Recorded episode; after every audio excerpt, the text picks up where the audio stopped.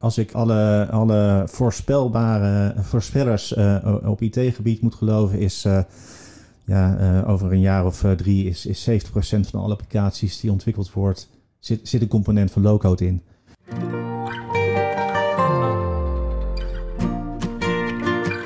Welkom bij onze podcast, Expeditie Application Services. In deze podcast gaan we op reis langs onze 28 clusters we ontmoeten gepassioneerde experts en praten over hun succesverhalen, uitdagingen, trends en toekomstvisies. Mijn naam is Eva Helwig en ga lekker zitten, relax en geniet van deze reis.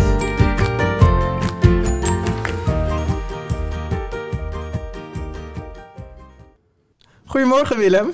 Hoi Eva. Leuk dat je er bent. We kennen elkaar goed, dus dit wordt een uh, ander gesprek dan dat ik normaal gesproken met mijn gasten heb.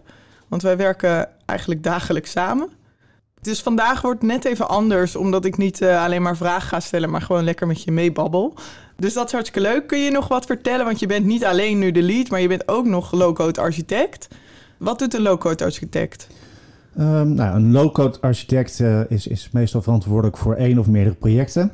Uh, om de lijnen uit te zetten hoe de applicaties die we aan het bouwen zijn eruit gaan zien.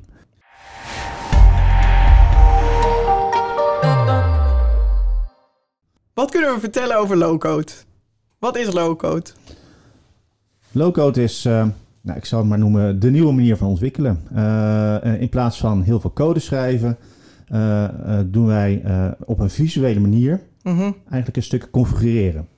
Dus het is een platform waarin allerlei stukjes, building blocks of Lego wordt ook wel eens gezegd, beschikbaar zijn. Ja. En door al die stukjes samen te brengen, uh, bouwen wij onze applicaties. En hoe bedoel je beschikbaar zijn? Gewoon, er is al code geschreven eigenlijk. Nou, eigenlijk elk zo'n blokje ja. uh, uh, vertegenwoordigt een stukje code die daaronder zit. Dus op het moment dat je je applicatie bij elkaar geconfigureerd hebt en je zegt ik ga dit nu deployen, wordt automatisch de code gegenereerd. Ah, en dan gaat die draaien. Ja. Hoe is Lowcode ooit ontstaan? Specifiek voor Mendix, waar ik zelf mee werk, is eigenlijk het eh, ontstaan uit het idee van uh, er werd vroeger heel erg veel ontwikkeld. En wat, je, wat je zag is dat je. Nou goed, als ontwikkelaars ging je met je klant praten en dan ging je afspreken van hoe ga ik nu alles doen. Mm -hmm. en vervolgens ging je een hok in en dan ging je maandenlang ging je coderen en dan kwam er iets uit wat de klant niet wilde. of, Heel prettig. Ja, ja. In Java, in ja. .NET, zeg het maar.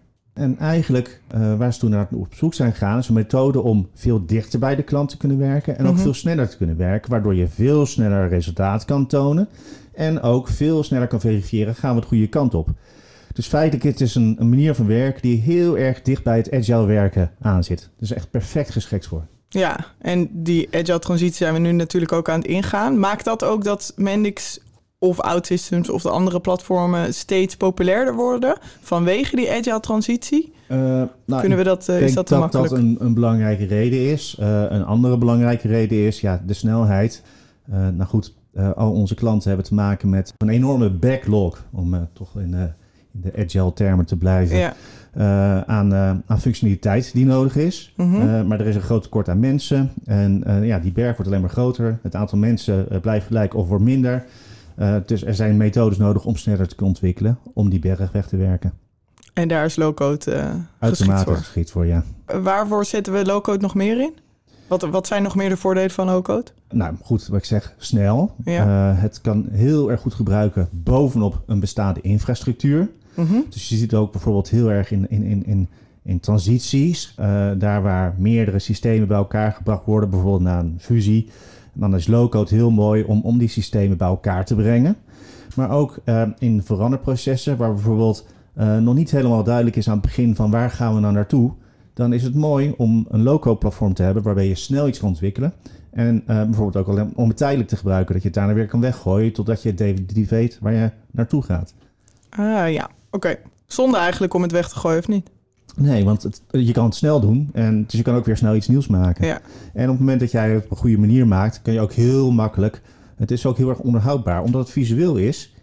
Uh, en je houdt je aan je regels van het ontwikkelen. Mm uh, kan in feite iedere ontwikkelaar kan het zo overnemen. Je ziet hoe het gebouwd is, de structuur is helder. Dus in die zin is het ook veel, veel meer makkelijker te onderhouden. En hoe bedoel je met de structuur is helder? Ik, even om de duidelijkheid, ik ben minder technisch aangelegd. Ik heb de modeler wel eens al geopend. Ik weet hoe ik moet committen, maar vooral hoe ik kleurtjes moet aanpassen of uh, de groottes. Maar de achterliggende structuur dan is voor mij nog niet helemaal duidelijk. Wat, wat bedoel je daar dan mee? Nou, als je een beetje naar een standaard uh, loco-platform gaat kijken, is het opgebouwd uit drie stukken. Aan mhm. de ene kant heb je een datamodel. Nou, dat kennen we allemaal. Dat, ja. Uh, nou, daar begint elke uh, ontwikkeling mee. Uh, feitelijk is, is, de representatie van je database. Dan heb je je pagina's. Die pagina's worden erin ontwikkeld. Nou, op een gestructurele manier. Hoe bouw je een pagina op? Waar staan alle blokken? Hoe zit het in elkaar? En daarbij maken we een soort workflowtjes of in Mendix-taal microflows. En daar zit de functionaliteit in. Okay. En dat allemaal is op een hele visuele manier gedaan. Dus als ik het open, als ik zo'n microflow of workflow open, kan ik heel duidelijk zien wat gebeurt hier nou in en waar ga ik naartoe. Ja, dus de leesbaarheid zorgt ervoor dat iedere Mendix-ontwikkelaar, OutSystems-ontwikkelaar in ieder geval begrijpt wat er staat en op die manier het beter kan aanpassen en het goed onderhoudbaar is. Ja, helemaal.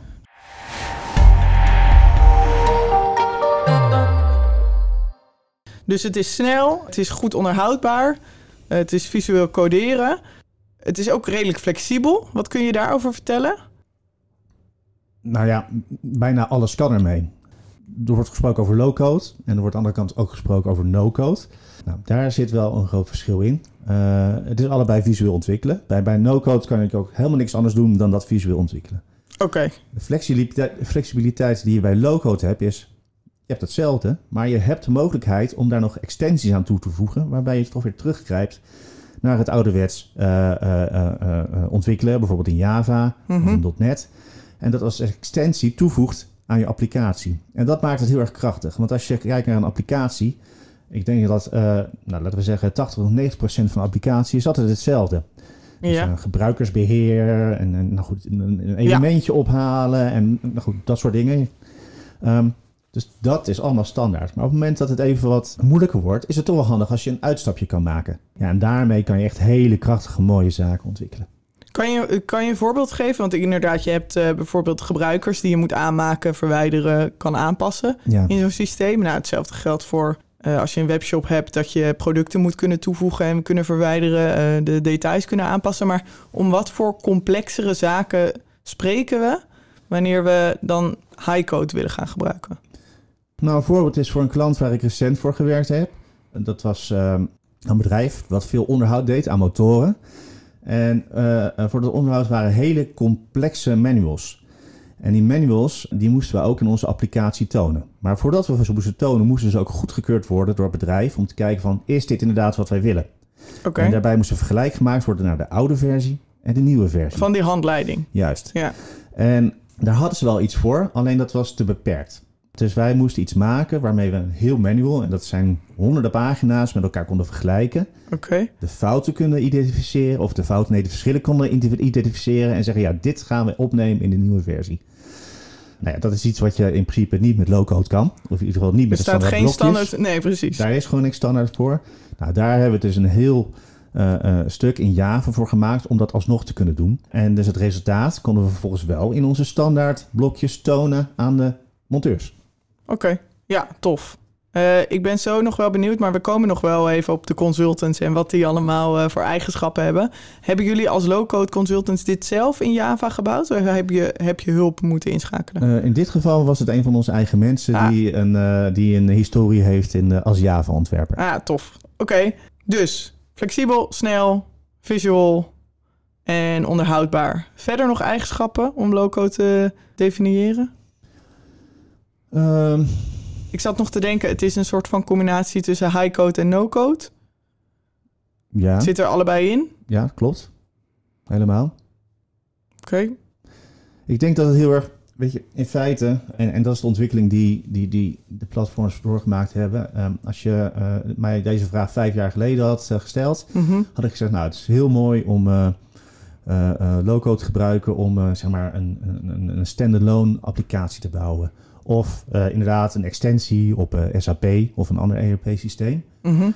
um, maar wat je nu ziet is dat de ontwikkeling is zo hard gegaan... dat in feite dat het nu een full-stack ontwikkelplatform is... waarbij je nog steeds dat on top van je, uh, van je bestaande infrastructuur kan doen... Maar we zijn nu ook echt in staat om op enterprise level applicatie landschappen te bouwen. Ja. Dus uh, Mendix wordt, of Mendix of een ander low-code platform. Ik praat wel veel met Mendix, hè, maar wij, uh, onze, on, onze cluster onze, doet... onze core business, precies. Dus logisch. Uh, dus, uh, dus dat Mendix dan de, de basis is voor, voor het hele applicatielandschap. Ja, in ieder geval een hele belangrijke plek binnen, binnen een, een architectuur inneemt. Oké. Okay. Er zijn natuurlijk ook wel plekken ehm, daarop doorgaan, want waar het niet zo handig is om Mendix te gebruiken. Dat is misschien ook wel handig uh, om naar te kijken. Ja. Kijk, als je een SAP-systeem hebt, kijk, de mm -hmm. core van je SAP-systeem ga je niet herbouwen. Dat is namelijk zo robuust, dat is zo sterk, dat ga je niet doen. Uh, een andere plek waar je niet snel zal gebruiken is uh, als er heel veel transacties moeten verwerkt worden. Uh, we hebben bijvoorbeeld banksystemen waarbij je gewoon heel veel financiële transacties hebt. Ja. ja dat, daar moet je bijvoorbeeld ook weer niet voor gaan gebruiken. En wat is de reden om dat niet te doen? Kijk, dat je een SAP-systeem gaat of een SAP-systeem gaat vervangen, snap ik dat je dat niet wil doen. Uh, dat staat er inmiddels. Maar de transacties? Nou, dat heeft te maken dat de, de, omdat het erg gestructureerd is of heel erg standaard is, is het vaak uh, wat lastiger om gewoon een hele grote hoeveelheden data te verwerken. Hm. Uh, uh, dat wil je vaak toch op een iets andere manier verwerken. Dat je iets, iets meer invloed hebt op wat er in je database gebeurt. Ja, kijk, daar zit wel een beperking. dus dan, ja, dan wil je toch liever naar iets waarbij je direct in, in, kan grijpen. Oké, okay. ja. Dus nou, dit zijn twee dingen waarvoor je low-code niet wil gebruiken. Maar verder wordt het steeds, nou ja, Wordt ja, het, zie je het steeds vaker terug. Dat denk. klopt. En de ontwikkeling gaat. Eh, eh, het is nog niet uitontwikkeld. Dus eigenlijk elke maand komen er weer nieuwe uh, functionaliteiten bij, nieuwe toepassingen, waardoor het steeds ja, completer wordt. Ja. Welke uh, low-code technologieën zijn er allemaal? Nou, met Mendix moeten we ook naar OutSystems kijken. Mm -hmm. OutSystems is en Mendix, dat zijn eigenlijk koplopers van zeg maar enterprise level low-code platforms. Uh, in Nederland doen we er niet zo heel veel mee, maar bijvoorbeeld onze collega's in België. met OutSystems. Met OutSystems. Ja. Uh, uh, onze collega's in België, die zijn er wel heel erg groot in. dat is een mooie uitrol die we daarin kunnen doen. Ja. Omdat zij wat minder Mendix zitten. Ja. Mendix origineel ook Nederlands, Nederlands ja. OutSystems Portugal. Portugees, ja, klopt. Maar goed, er zijn meer platforms. Je hebt andere platforms die, die veel meer gericht zijn op een, een, een term die heel erg populair is, is uh, de citizen developer. Mm -hmm. uh, oftewel, geef iedereen in een bedrijf maar de mogelijkheid om zijn eigen applicatie te maken. Ja. Uh, nou, dat is een beetje denigrerend. Zoals no-code, toch? Ja, no-code, ja. Ja. Het is een beetje, een beetje denigrerend misschien. Maar ja, het is wel een toepassing waar heel veel behoefte aan is. En kijk, dan heb je het veel meer... wij delen vaak uh, Power Apps, Power Platform van, van, van, van Microsoft, delen we in die hoek in. Maar er zijn meer uh, toepassingen daarvoor, bijvoorbeeld AppGyver, wat door SAP wordt geleverd. Dat zien we ook veel meer in die hoek zitten. Dus een laagdrempelige vorm om zelf applicaties te maken. Ja, simpel gezegd is het zeg maar, de nieuwe versie van, van Access en Excel. Ja. Waar vroeger ook altijd iedereen, nog steeds trouwens, nog steeds hun eigen applicaties met macrootjes kon maken dat is daar een hele goede uh, opvolger van. Ja. een andere. Zijn, worden dat eigenlijk voornamelijk standalone applicaties of kunnen die ook bovenop bestaande? Nou ja, als je naar Power Platform gaat kijken van, van Microsoft, als jij je hele infrastructuur in Azure of in, in, in Microsoft hebt zitten, dan is dat gewoon in principe gewoon daar bovenop. Ja. En daar zijn ook allerlei connectoren voor om dat wel te doen. Ja. Maar het is niet altijd uh, uh, zo standaard zoals dat wel bij zeg maar, die enterprise level alle platforms is. Ja. een derde groep die ik ook nog wel wil noemen is, je hebt een aantal, dat zijn over het algemeen zijn dat oudere systemen die al bestonden. Met name in, in workflow management-achtige systemen. Mm -hmm. Die zich hebben getransformeerd richting low-code. Dan heb je het over Pega, Appian. Ja. Dat waren al bestaande applicaties en die hebben eigenlijk de stap richting low-code gemaakt. En die zijn meer uh, geschikt om echt workflow-achtige toepassingen te maken. Oké, okay, dus drie, uh, drie vormen. En dan als we de Gartner erbij pakken, zijn er iets van 450, uh, eh, als het niet meer low-code platformen. Hoe kijk je daar tegenaan? Ja, ik, ik kijk vooral naar welke rest bovenaan staan. En dat zijn er een beperkt aantal. En onze klanten vragen toch om ja, de robuuste grote systemen. Dus kijk ik over het algemeen niet naar die hele grote berg, alleen maar groeiende low-code systemen. En tegelijkertijd ook een mooie ontwikkeling dat er zoveel, dat low-code zoveel, zoveel voeten aan de aarde krijgt op dit moment. Ja. En dat steeds meer bedrijven ook de interesse in, uh, in low-code tonen. Ja. Maar ik ben benieuwd welke spelers naast uh, Mendix en OutSystems ook zich gaan melden om, om de enterprise level uh, applicaties te gaan bouwen. Ja, of die er überhaupt komen. En, en waarom? Ja, ik weet het niet. Nee, we gaan het zien. We gaan het zien.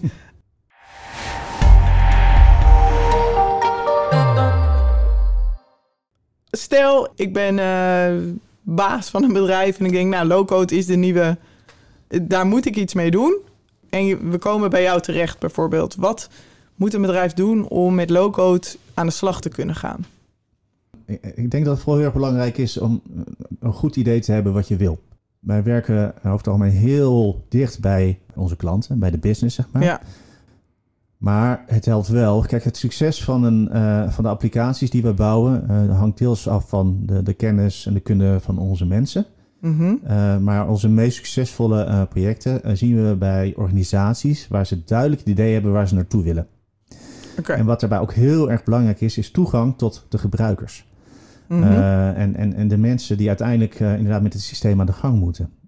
om hun zo snel mogelijk te betrekken bij wat we, gaan, wat we, wat, wat we aan het ontwikkelen zijn. Ja. Um, waar wij de laatste tijd heel erg op inzetten is uh, om, om vroeg in het traject al uh, UX UI designers bij het uh, project te halen. om die samen met gebruikers uit te laten zoeken van maar wat wil je nou precies hebben? Wat zoek je nou precies? En daar ook gewoon vanaf het eerste begin van onze ontwerpen rekening mee te houden. En dat is wel een verschil met hoe we een paar jaar geleden werkten. Want ja, ik kan naast iemand gaan zitten en ik bouw maar wat en uh, ziet dit er een beetje leuk uit. En ik heb het vooral heel snel gebouwd. Ja. Dus uh, alsjeblieft klant, dit is de waarde. Ja, maar als je van tevoren al goed nadenkt van hoe moet het er nou uit gaat zien. Dan, nou goed, dan heb je toch die acceptatie uh, op orde. Maar ook voor ons als ontwikkelaars is het heel fijn om het te hebben. Want we weten precies wat we moeten maken. Ja, en daarmee, daarmee win je gewoon heel erg veel snelheid. Ja, maar het verliest ook aan uh, creativiteit, of heb ik dat mis? Ja, of wint, uh, wint juist aan creativiteit. Uh, want die UX, UI-designer is het liefste ook gewoon een van ons. Dus ook gewoon zelf een ontwikkelaar. En daarmee kunnen we eigenlijk dingen maken waar we echt trots op zijn. En die echt mooi en heel erg, heel erg bruikbaar zijn. In ja. plaats van een beetje recht toe, recht aan een simpel applicatietje. Ja, je zit dicht bij de klant. Dat is heel erg waardevol met low-code. wat moet je nou als consultant, als een low-code consultant, qua eigenschappen hebben? Omdat je zo dicht bij de klant zit, bijvoorbeeld. Nou, feitelijk willen we een heel compleet iemand hebben. Die in staat is om te ontwikkelen. Mm -hmm. En dat goed, goed, te begrijpen natuurlijk. Uh, technisch goede applicaties te bouwen. Maar die ook in staat is om dat gesprek aan te gaan. En ja. ook kritisch te zijn naar, uh, naar, naar, naar, naar, naar je klant toe. Om te vragen van wil je dit echt wel? En dat moet eigenlijk iedereen kunnen. Iedereen moet, moet, moet die vraag stellen van... ja, oké, okay, je vraagt hier nu wel om... maar waarom wil je dat eigenlijk? En, en vaak uh, is dat ook logisch... maar ja, op een gegeven moment moet je ook in staat zijn om te zeggen van... Uh, misschien kunnen we het beter op een andere manier doen. Dus dat is wel heel erg belangrijk van... Uh, eigenlijk de, de basis kenmerk van een ontwikkelaar die wij zoeken. Ja. Daarnaast hebben we ook gespecialiseerde functies... Mm -hmm. zoals ja, de UX-UI-designer... Uh, het is fijn als we iemand hebben die, die, die kennis heeft van, uh, van, van, van Java of, of JavaScript. Om ook gewoon uh, applicaties te kunnen bouwen die er visueel gewoon echt super gaaf uitzien. Ja. en Java voor bijvoorbeeld die, nou, ja, het voorbeeld wat je net had. Ja. ja. en ja, omdat wij vaak in een, ja, binnen een bestaande applicatielandschap of, of, of een, een infrastructuur werken, uh, is het ook fijn als we mensen hebben die, die kennis hebben van integraties. En hoe maak je nou een integratie? Specifiek in Mendix. Ja. ja. En dan noemen we nog testen, denk ik. Ja, testen is ook altijd belangrijk. Ja, niet te vergeten, hè, mijn testachtergrond toch even benoemen. Maar uh, het gevaar is, je gaat heel snel bouwen... en je kan iets heel snel in productie zetten... Ja. zonder het goed door te testen. Ja, dat is. Uh, uh, nou, we gaan inderdaad vaak te snel dat we te, te weinig tijd uh, nemen om, om te testen. Dus dan een goede tester erbij, die ons ook op ons plaats wijst. Heel mm -hmm. erg belangrijk. Heel erg irritant, maar heel erg belangrijk. Ehm, ja, dat is ook heel erg waardevol. Ja. En dat helpt ook naar de klant toe. Want vaak voor een klant gaan we ook te snel. omdat je, goed, ik zei net al, het, je moet. het is fijn als een klant weet waar hij naartoe wil. want dan kan hij ons bijhouden. Ja. En, eh, en, en, en vaak gaan we gewoon te snel, eh, of vaak. Het, het gevaar is dat we Ja. te snel gaan eh, om voor het bedrijf om bij te houden. Hoe nemen we de klant dan mee? Dat is dus in gesprek blijven gaan. Ja, nou ja, vanuit... vanuit Laten zien wat Ja. er gebeurt. Ik zit ook nog even na te denken, want je hebt... In dat opzicht is de low-code consultant niet de typische IT'er. Die we, en misschien is dat beeld sowieso al wel verouderd. De gefocuste ehm, developer die gewoon acht uur lang code aan het kloppen is... dat is eigenlijk low-code helemaal niet. Nee, je moet, je moet echt een mix hebben. En dat zien we ook eh, in, in, onze, in, onze, in onze groep. Eh, je hebt, natuurlijk heb je de hardcore developers, die zitten er ook bij. Ja, Eh, maar vooral voor een de integratie, toch? En de backend, de technische... Ja, ja, voor de wat moeilijke applicaties. eh goed om richting te geven. Mhm. Maar we hebben ook een heleboel mensen die eigenlijk een hele andere achtergrond hebben. En die de overstap gemaakt hebben. En dat werkt ook goed. Ja, die misschien wel beter zijn om het gesprek aan te gaan met, Ja. eh, met de klant. Ja. En eh, de juiste vragen te stellen. ja, die de business begrijpen. Belangrijk. En, en snel kunnen schakelen, snel kunnen denken. En dat, is- dat is gewoon belangrijk. Ik denk- dat dat een kenmerk is die iedere eh, ontwikkelaar of IT'er moet hebben. Snel kunnen denken, analyseren. Ik denk dat bij ons nog belangrijker is. Oké, hebben we nu alles besproken over de consultants? Eigenschappen? Ik, ik denk het wel. Ja, gezellige groep mensen is het vooral.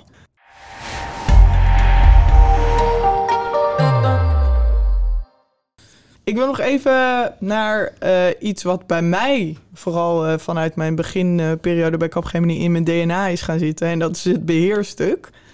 Want het gevaar is wel met low-code dat het zo snel gaat dat je soms sneller de, de, de stip op de dichtbije horizon ziet, als het ware. Dus eh, nou ja, bij wijze van spreken, wat, wat staat er morgen in plaats van dat je kijkt naar wat, wat is er over twee jaar aan de hand. Hoe zie jij dat? Ja, het is heel erg leuk dat je zegt van om, het zit heel erg in mijn DNA. Het zit heel erg niet in mijn DNA. En dat is, eh, dat is een tekortkoming. Dat geef ik, eh, geef ik ook toe. Ja, Ehm, eh, wat, wat ik eigenlijk het liefste zie, is dat wij eh, bij onze klanten, en zeker bij onze langdurige klanten, dat we altijd vanuit een DevOps situatie zullen werken. Dus een team wat in staat is om te helpen of te, die, die doorontwikkeling te doen, maar ook verantwoordelijk is voor het stuk beheer.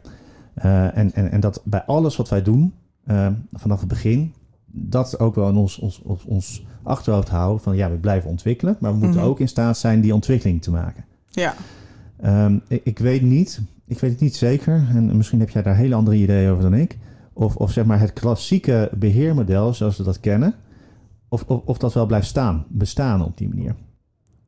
het, omdat op een gegeven moment is Mendix, is je applicatie ook uitontwikkeld. Of althans, je moet eh, blijven upgraden natuurlijk. Dus er zit, er zit altijd wel werk achter. Maar omdat het wat sneller gaat, is op een gegeven moment gewoon je backlog leeg. Maar Ja. moet je nog steeds zorgen dat je applicatie up en running blijft. Eh, als er incidenten zijn, moet je die oplossen. Eh, waardoor je misschien wat kleinere teams hebt die daar aan de slag gaan. Of je moet zorgen dat, eh, nou ja, dat er mensen altijd wel kennis hebben van een Mendix-applicatie. Om te zorgen dat, dat als er een incident is, dat je voldoende kennis hebt om, om hem weer zo snel mogelijk in de lucht te krijgen. Maar dat is anders dan denk ik bij de grote systemen, waar je ook vaak veel meer mensen op zo'n opdracht hebt zitten. Ja. Dus daar, daarin verandert het beheer wel. En Ik, ik, ik denk dat wij, waar wij gewoon als, als afdeling naar op zoek zijn, is ook een nieuwe manier van werken daarin. Dat je veel meer eh, teams hebben, Mhm. hebt. En we noemen het maar DevOps teams. En die Ja. kunnen voor één of meerdere klanten werken. Maar die altijd een stukje van hun tijd gereserveerd moeten houden om dat eh, beheerwerk te blijven doen. ja, Eh, zodat je het gewoon over de groep verdeelt. In plaats van heel erg dedicated een aantal mensen te hebben die alleen maar beheer doen. ja, Gewoon dat onderdeel te maken van ja, de dagelijkse werkzaamheden van onze, van onze teams. Ja, dan heb ik nog wel een vraag. Want we zijn juist zo. We hebben met Lowcode de kracht om zo dicht bij de business te staan. In hoeverre is het nou belangrijker om je business te kennen of je code te kennen? Want kunnen we dit straks wel met iemand die eigenlijk helemaal niks van de business af weet, om die een applicatie te laten beheren? Misschien een beetje een gewetensvraag hoor. Ja, nou ja, ik, ik denk dat als het puur om beheer is, om kleine, kleine eh, issues op te lossen, dat dat geen probleem moet zijn. Voor eh, ja, echt ontwikkeling is het altijd wel heel erg belangrijk dat, dat mensen dat begrijpen. Maar voor, voor kleine beheervragen Ik heb er eigenlijk niet zo'n idee van. Nee. Uh, heel veel zal... Kijk, als er een issue is, is het vaak toch een... een, een dan ligt er iets anders aan ten grondslag. Uh, denk ik. Een, een, een, technisch issue of, of... Ja, en die kun je in principe oplossen zonder dat je de functionele kennis hebt. Ja. Ja. Ja, en wij moeten in principe altijd allemaal bijblijven van wat is nou die ontwikkeling van het platform. Dan komen elke maand komt er een nieuwe versie uit. Uh, en uh, wij moeten ons bewust zijn van wat, wat zit daarin. En, en daar moeten we ook op acteren. Ja, en de klanten vervolgens meenemen om, uh, ja. om wel te blijven doorontwikkelen. ja. Ja. Oké. Okay. Nou ja, dat is, dit is het beheerstukje waar we nog wat werk te doen hebben. Maar ook hartstikke leuk. Ja, nou ja, de uitdaging. één van de uitdagingen. Hoe zie jij de toekomst van low-code? Nou, uh, als ik uh, alle, alle voorspelbare voorspellers op IT-gebied moet geloven, is ja, over een jaar of drie is, is 70% van alle applicaties die ontwikkeld wordt, zit, zit een component van low-code in. Um, dus ik verwacht, ik verwacht dat we nu op het punt zijn. kijk, het is een de hele ontwikkeling van low-code die, die loopt al een tijdje. Ik denk dat je al naar de jaren negentig uh, uh, terug kan gaan. Dat men is begonnen om te kijken van wat kunnen we daar nou mee. Mm -hmm. Maar ik denk dat we nu op het punt zijn van ja, nu, nu is het nou, now it's here to stay. Ja. Ja, het gaat niet meer. Het gaat, sowieso niet meer, niet meer weg. Nee, en het gaat alleen maar groter worden. Het gaat alleen maar groeien.